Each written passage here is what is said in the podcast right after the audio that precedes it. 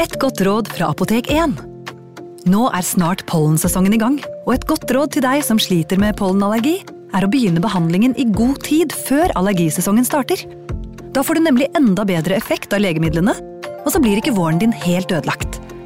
Kom innom og få råd på ditt nærmeste Apotek 1, eller chat med oss på apotek1.no. Apotek 1 vår kunnskap, din trygghet.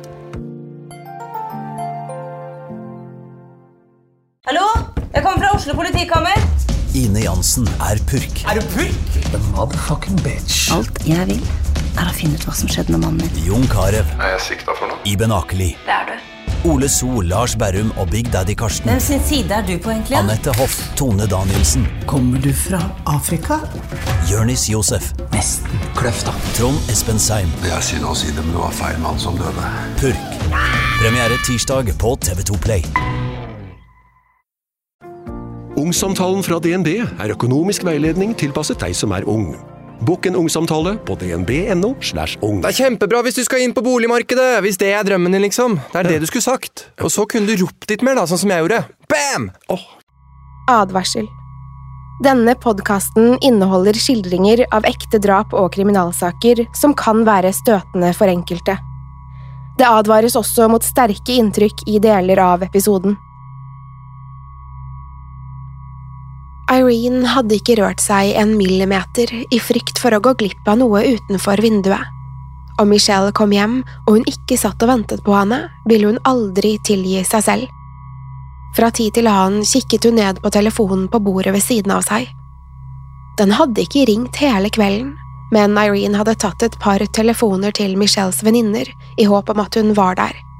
Hver gang hadde hun fått nedslående svar.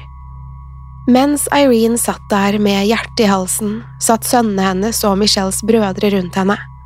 Ingen av dem sa et ord, men alle hadde det samme bekymrede uttrykket i ansiktet. For alt de visste, kunne Michelle være trygg et sted, og at hun bare hadde glemt å ringe, men det lignet ikke på henne. Timene gikk, og snart ble kveld til natt. Irene sendte guttene i seng, men lovet dem at hun ikke kom til å legge seg før Michelle var trygt hjemme. Stillheten i huset var øredøvende da dørene på guttenes soverom ble lukket forsiktig.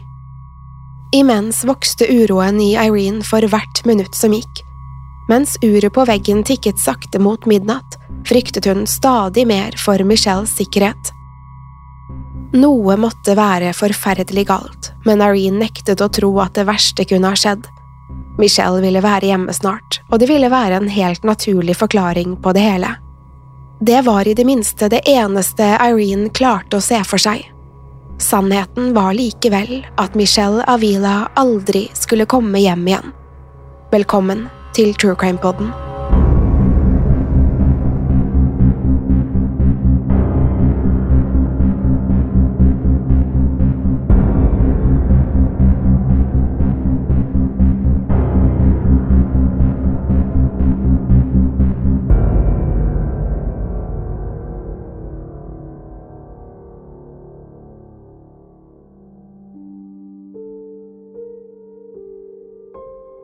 Michelle Yvette Avila ble født i februar 1968 og vokste opp i San Fernando Valley i Los Angeles.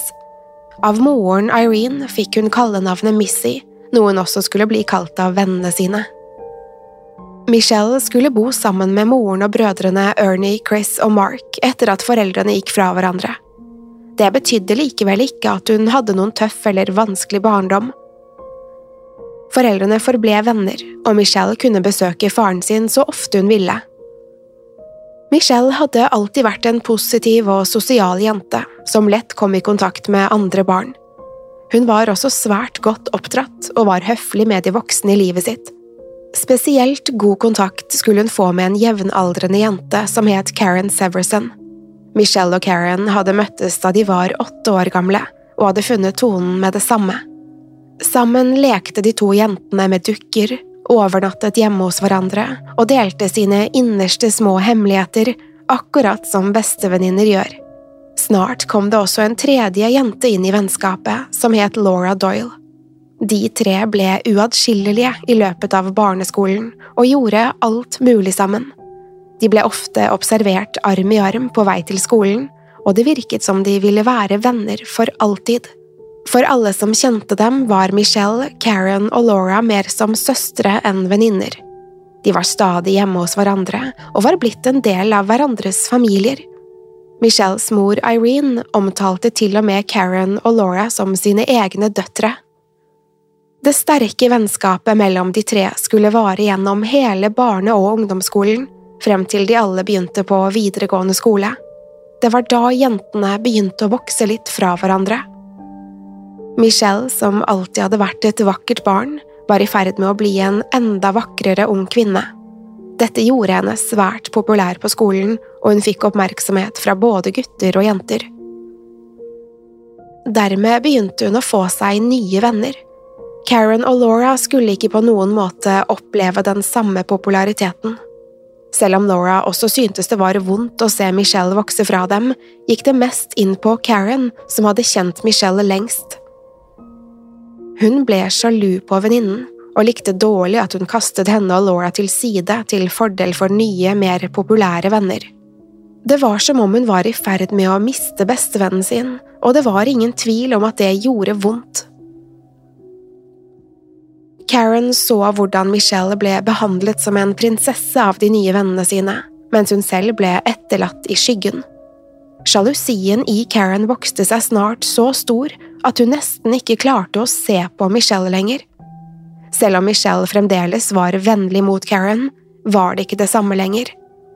Alt var i ferd med å endre seg, og Karen likte det dårlig. Etter hvert skulle Karen bli så oppslukt av sjalusi at hun bestemte seg for å spre rykter om Michelle. Hun begynte å fortelle andre at Michelle hadde hatt sex med en rekke gutter på skolen, noe som slett ikke stemte. Likevel var hun sikker på at ryktet ville jekke ned venninnen litt, slik at hun ville få Michelle tilbake. Det stygge ryktet spredte seg raskere enn Karen hadde sett for seg, og skulle snart få ganske alvorlige konsekvenser. For hver person ryktet nådde, vokste løgnen seg stadig større. Antallet gutter Michelle angivelig skulle ha vært sammen med, vokste i takt med løgnen og snart utviklet det seg til at Michelle visstnok skulle ha hatt sex med kjærestene til flere av jentene på skolen. Det var naturlig nok lite populært blant de andre jentene, og snart gikk de sammen om å hevne seg på Michelle. En dag etter skolen hadde Michelle gått hjemover da hun plutselig ble overrasket av en stor jentegjeng. De hadde kastet seg over henne, kalt henne stygge navn og banket henne opp. Hendelsen hadde vært svært traumatiserende for Michelle, som ikke kunne forstå hvor de forferdelige ryktene hadde kommet fra. Samtidig fortsatte Karen å holde på hemmeligheten mens hun spilte rollen sin som Michelles venninne godt. Til tross for at de ikke tilbrakte like mye tid sammen lenger, var ikke Michelle og Karen blitt uvenner heller, i alle fall ikke i Michelles øyne. Det hendte fortsatt at de møttes etter skolen og var sammen, slik som de hadde vært som barn. De tok stadig små turer til en avsidesliggende del av Big Tuyunga Canyon, hvor det rant en liten bekk. Der kunne jentene være alene, og det ble snart deres lille fristed. Området rundt bekken var fullt av tett vegetasjon og bortgjemte steder. Her risset jentene navnene på guttene de likte i trærne, og satt og pratet til langt på kveld. Når enn Michelle og Karen var i Big Tuyunga Canyon, var det som alt var tilbake til normalen. Der var det kun de to, og de kunne gjøre som de ville. I løpet av det første året på videregående skole skulle Michelle finne seg en kjæreste som het Randy. Han var et par år eldre og så ikke ut til å bry seg om ryktene som sirkulerte om Michelle, noe hun likte godt. Det skulle likevel ikke ta lang tid før Michelle innså at Randy ikke var helt som hun hadde sett for seg. Randy var slett ikke noe for henne. Han var stadig ute og festet med vennene sine, og drakk og ruset seg på ulovlige stoffer. Kun en måneds tid etter at de hadde blitt sammen, avsluttet derfor Michelle forholdet. Det hun likevel ikke hadde regnet med, var at Randy skulle finne seg en ny kjæreste kort tid senere. Den nye kjæresten var ingen andre enn Karen. Dette likte Michelle dårlig. Det var ikke nødvendigvis fordi Randy hadde blitt kjæreste med bestevenninnen hennes, men fordi hun visste hvordan Randy var. Flere ganger forsøkte hun å overbevise Karen om at Randy ikke var bra for henne, men hun ville ikke høre etter. Hun nektet å gjøre det slutt, samme hva Michelle fortalte. I et siste desperat forsøk på å overtale venninnen til å gå fra Randy, hadde Michelle dratt den litt for langt.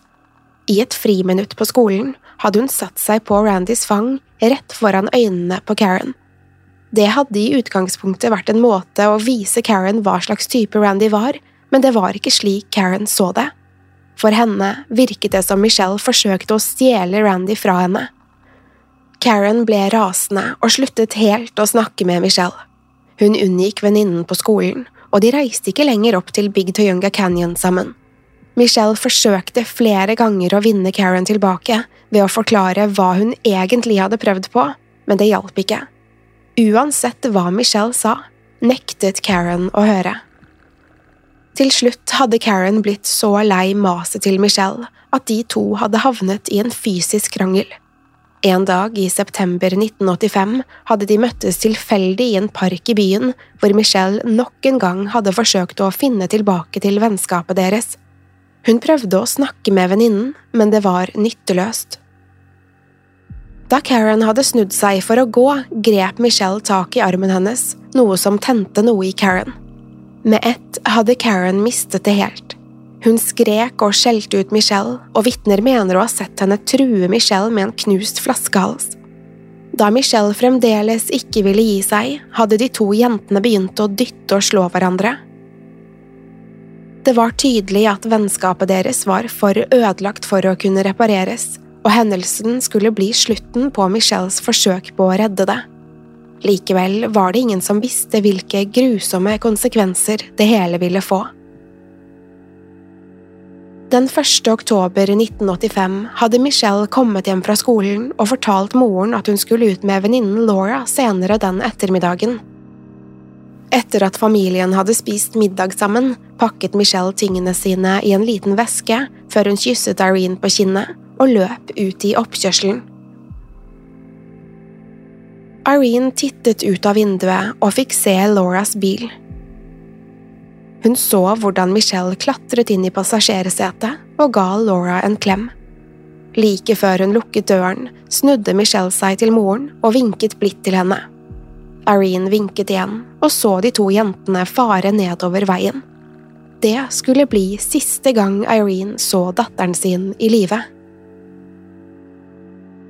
Fire timer gikk før Irene hørte noe mer om Michelle. Rundt klokken seks den kvelden hadde telefonen ringt og Irene plukket opp røret. I den andre enden hørte hun Lauras stemme som spurte om hun kunne få snakke med Michelle.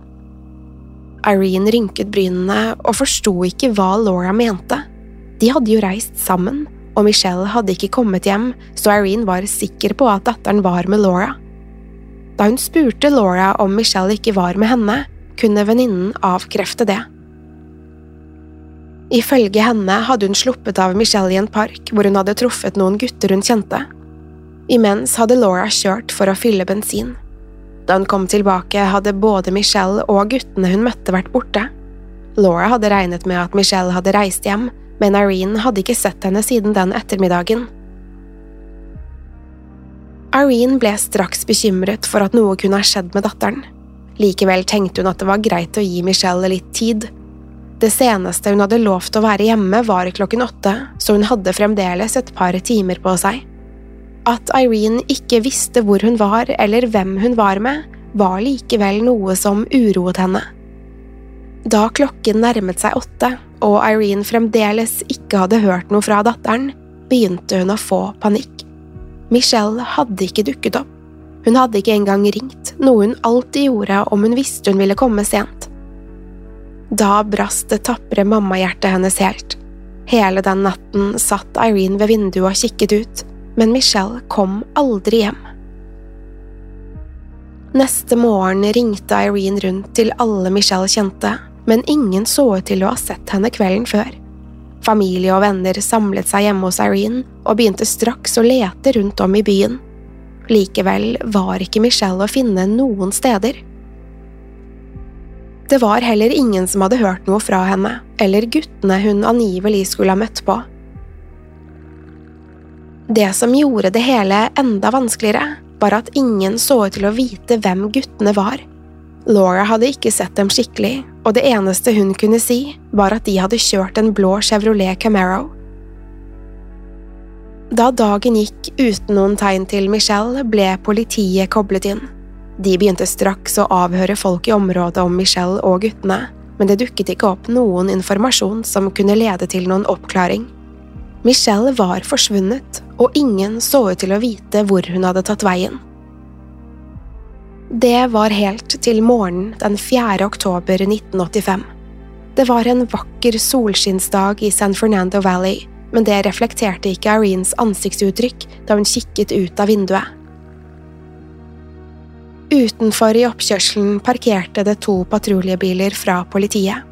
Irene trengte ikke engang å spørre hva politibetjentene ville. Hun forsto med det samme at det verst tenkelige hadde skjedd. Der skulle hun også få rett. Med uniformshatten i hånden fortalte betjentene at Michelle var blitt funnet død i et avsidesliggende område i Big Toyonga Canyon. Hun hadde blitt funnet med ansiktet ned i en liten bekk og hadde druknet. Likevel var det tydelig at det ikke hadde vært snakk om noen ulykke.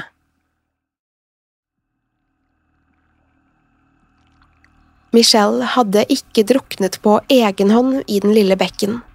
Politiet kunne fortelle at Michelle hadde blitt grovt mishandlet før hun døde. Det lange, mørke håret hennes var blitt skamklipt flere steder, og ansiktet hennes var fullt av slagskader og kloremerker. Som om ikke det var skremmende nok, hadde hun blitt funnet med en diger, tung trestamme oppå seg som hadde holdt henne under vann. Familie og venner var sønderknust etter tapet av 17-åringen. Ingen hadde sett det forferdelige drapet komme, og ingen kunne skjønne hvorfor noen ville ta livet av Michelle. Politiet virket like forvirret og fortvilet som Michelles nærmeste. Ingen kunne si noe om hva som hadde skjedd, eller hvem som kunne stå bak drapet. Det fantes heller ingen spor på åstedet som kunne lede til noen oppklaring. Gjerningspersonene var forsvunnet, og politiet hadde ingen anelse om hvem det kunne være. Dagene gikk uten at noen flere spor dukket opp. Michelles venner ble avhørt én etter én, men ingen av dem hadde informasjon som var nyttig for politiet. Da Michelle skulle begraves på San Fernando Mission Cemetery, var kirken fylt til randen. Alle ville ta et siste farvel med den blide, sprudlende jenta. Plutselig var det som alle rykter om Michelle var glemt, og alt som var igjen var dyp sorg og fortvilelse.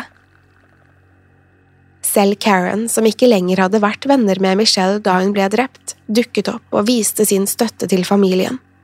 Alle disputter var en del av fortiden, og nå ville hun kun minnes Michelle slik hun hadde kjent henne som barn. Når sant skal sies, virket Karen mer opptatt av Michelle enn noen gang. Hun snakket konstant om venninnen og besøkte graven hennes så ofte hun kunne. Ifølge Michelles mor Irene reiste Karen også stadig opp til fristedet deres i Big Toyonga Canyon, hvor Michelle var blitt funnet. Karen påsto til og med å ha sett Michelles gjenferd der oppe ved en anledning. Månedene og årene gikk uten at politiet kom noe nærmere en oppklaring. Michelles drap var et mysterium de rett og slett ikke klarte å finne løsningen på. Til slutt skulle etterforskningen trappes ned til fordel for andre saker i området. Det virket som verden aldri skulle få svaret på hvem som drepte 17 år gamle Michelle Avila. Så plutselig, i juli 1988, dukket en ung kvinne opp på politistasjonen i San Fernando Valley. Hun fortalte at hun het Eva Shirambulo, og at hun hadde viktig informasjon i saken om drapet på Michelle Avila. Politiet ble straks interessert og frigjorde en etterforsker som skulle avhøre Eva. Hun ble tatt med inn på et avhørsrom hvor hun begynte å fortelle om det hun visste. Ifølge Eva hadde hun sittet i en bil med Karen Severson om ettermiddagen den 1. oktober 1985. De hadde ventet på et gatehjørne helt til de fikk øye på Laura Doyles bil. Karen hadde ikke fortalt Eva hva de skulle, men hadde fulgt etter Laura ut av byen. De hadde ligget like bak Lauras bil, helt ut til Big Toyunga Canyon. Der bilveien sluttet, hadde de stanset, og Karen ba Eva bli igjen i bilen. Hun hadde sett hvordan Laura og Michelle steg ut av bilen foran dem, og at Karen og Laura hadde dratt henne med seg innover i skogen. Der hadde Eva sittet i det som føltes som flere timer, mens hun ventet på at de andre jentene skulle komme tilbake. Da hun endelig fikk øye på de andre, var Karen og Laura alene, og Michelle var ikke å se noe sted. Laura satte seg i sin egen bil og spant av gårde, mens Karen satte seg inn med Eva. Da Eva spurte hvor Michelle var blitt av, fortalte Karen alt sammen. De hadde dratt med seg Michelle innover i skogen mens de slo henne og kalte henne stygge navn. Ifølge Karen og Laura hadde Michelle virkelig gjort alt det hun var blitt anklaget for. De mente hun hadde prøvd seg på kjærestene deres, og nå skulle hun få betale. De slepte Michelle med seg til den lille bekken, hvor Karen hadde funnet frem en sløv saks fra lommen. Så hadde hun skamklipt Michelle og banket henne opp før de dyttet henne ned i vannet. Hele tiden hadde Michelle grått og tryglet om at de skulle slutte, men jentene ga seg ikke. Til slutt hadde Laura grepet tak i det lille som var igjen av Michelles hår, og holdt hodet hennes under vann. Michelle kjempet for å komme seg løs og plasket vilt i det grunne vannet, men det var nytteløst. Laura var større og sterkere enn henne og holdt henne fast til hun ikke lenger kjempet. Etter kun noen minutter var Michelle død, drept av de hun trodde var vennene hennes. Eva fortalte politiet at Karen og Laura hadde fått ideen om å legge den digre stokken over Michelle etter at hun var død. De ville at liket hennes skulle holdes nede i vannet og ikke flyte opp til overflaten. Da jentene hadde reist fra åstedet, hadde de virket helt rolige og uanfektede, som om de ikke nettopp hadde tatt livet av sin egen barndomsvenninne. I tre år hadde de latet som de ikke visste noe som helst om det fryktelige drapet på Michelle, men nå var de blitt avslørt. De var selv ansvarlig, men hadde spilt rollene sine til fingerspissene Karen og Laura ble straks arrestert, mistenkt for drapet på Michelle Avila. Til å begynne med hadde de nektet for å ha noe som helst med drapet å gjøre, men etter hvert som avhørene varte og rakk, klarte politiet å knekke dem. De innrømmet å ha tatt livet av Michelle, men påsto at det hadde vært en hevn for at venninnen hadde hatt sex med kjærestene deres. Likevel nektet de for å ha planlagt drapet på forhånd. Ideen var å skremme Michelle fra å gjøre noe lignende igjen, men det hele hadde spunnet ut av kontroll. Michelles familie var fra seg av fortvilelse. I tre år hadde de delt sorgen med Karen uten å vite den grusomme sannheten. De hadde sluppet henne inn i huset sitt, delt måltider med henne og holdt rundt hverandre når ting var på sitt verste. Nå viste det seg at de hadde huset Michelles morder. Våren 1990 gikk Karen og Lauras rettssaker av stabelen. Der skulle retten si seg enig i at drapet ikke kunne ha vært planlagt. Likevel trodde de ikke noe på at det hadde skjedd ved et uhell. I mars 1990 falt dommen. Karen og Laura ble funnet skyldige i forsettlig drap og dømt til 15 år til livstid i fengsel.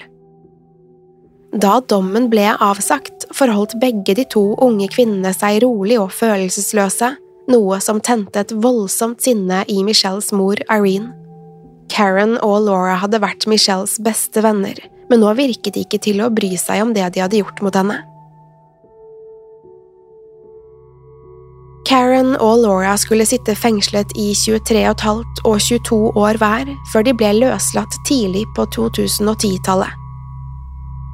I ettertid har Laura trukket seg helt tilbake, men Karen har ikke sett ut til å klare å holde seg ute av rampelyset. Hun har stilt på en rekke intervjuer og hadde til og med planer om å slippe en bok om drapet og hennes personlige erfaringer fra fengsel. Dette falt ikke i god jord hos Michelles familie. For dem er Karen en morder som ikke ble blitt gitt et snev av oppmerksomhet. Hun tok livet av Michelle Avila og sørget for at familien aldri fikk se datteren og søsteren sin igjen. Michelle ble utsatt for grov ryktespredning fra noen hun trodde var hennes nærmeste venn. Til slutt skulle ryktene bli så alvorlige at selv Karen, som var opphavet til dem alle, trodde på dem. Løgnen vokste i takt med Karen og Lauras hat mot Michelle, og til slutt skulle det ende i tragedie. I det minste er Karen og Laura nødt til å leve resten av livet i visshet om at de to sto ansvarlige for 17 år gamle Michelles grusomme død.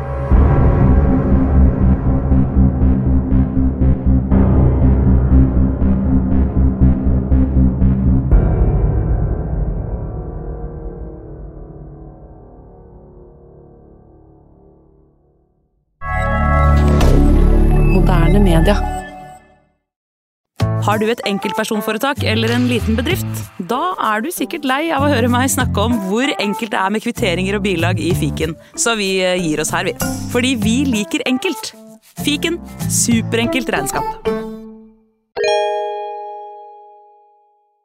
Hei! Takk for at du lytter til True Crime Podden. Skulle du ønske at du kunne høre en ny episode av denne podkasten hver eneste uke? Vel, da er det bare å laste ned podkastappen Untold med en gang. I tillegg til ukentlige episoder av podkaster som Skrekkpodden, Synderne og Henrettelsespodden, får du masse annet reklamefritt og eksklusivt innhold. Last ned Untold i AppStore eller Google Play, og start din 30 dagers prøveperiode i dag.